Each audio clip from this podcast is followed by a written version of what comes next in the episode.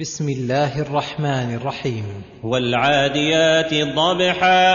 أقسم الله تعالى بالخيل لما فيها من آيات الله الباهرة ونعمه الظاهرة ما هو معلوم للخلق وأقسم تعالى بها في الحال التي لا يشاركها فيه غيرها من أنواع الحيوانات. فقال والعاديات ضبحا. أي العاديات عدوا بليغا قويا يصدر عنه الضبح وهو صوت نفسها في صدرها عند اشتداد العدو. فالموريات قدحا. فالموريات بحوافرهن ما يطأن عليه من الأحجار قدحا أي تقدح النار من صلابة حوافرهن وقوتهن إذا عدون. فالمغيرات صبحا. فالمغيرات على الأعداء صبحا وهذا أمر أغلبي أن الغارة تكون صباحا. فأثرن به نقعا. فأثرن به أي بعدوهن وغارتهن نقعا أي غبارا. فوسطن به جمعا. فوسطن به أي براكبهن جمعا أي توسطن به جموع الأعداء الذين أغار عليهم والمقسم عليه قوله إن الإنسان لربه لكنود. أي لمنوع للخير الذي عليه لربه. فطبيعة الإنسان وجبلته أن نفسه لا تسمح بما عليه من الحقوق. فتؤديها كاملة موفرة بل طبيعتها الكسل والمنع لما عليه من الحقوق المالية والبدنية.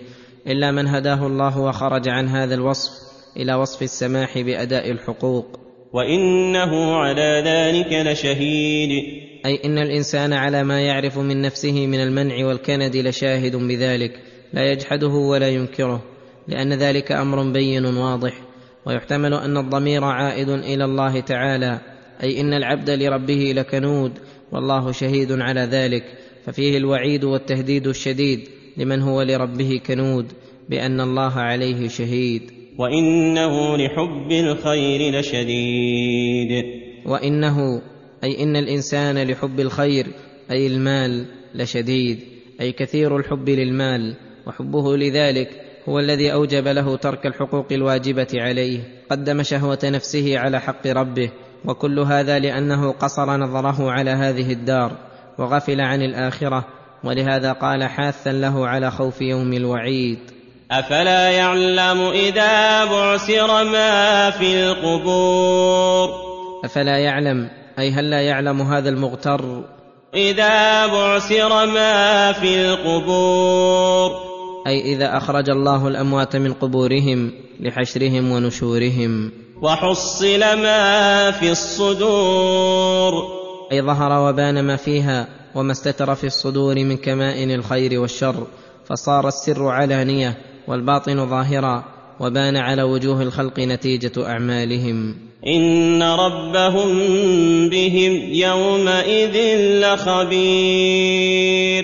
أي مطلع على أعمالهم الظاهرة والباطنة الخفية والجلية ومجازيهم عليها. وخص خبره بذلك اليوم مع أنه خبير بهم في كل وقت لأن المراد بذلك الجزاء بالأعمال الناشئ عن علم الله واطلاعه.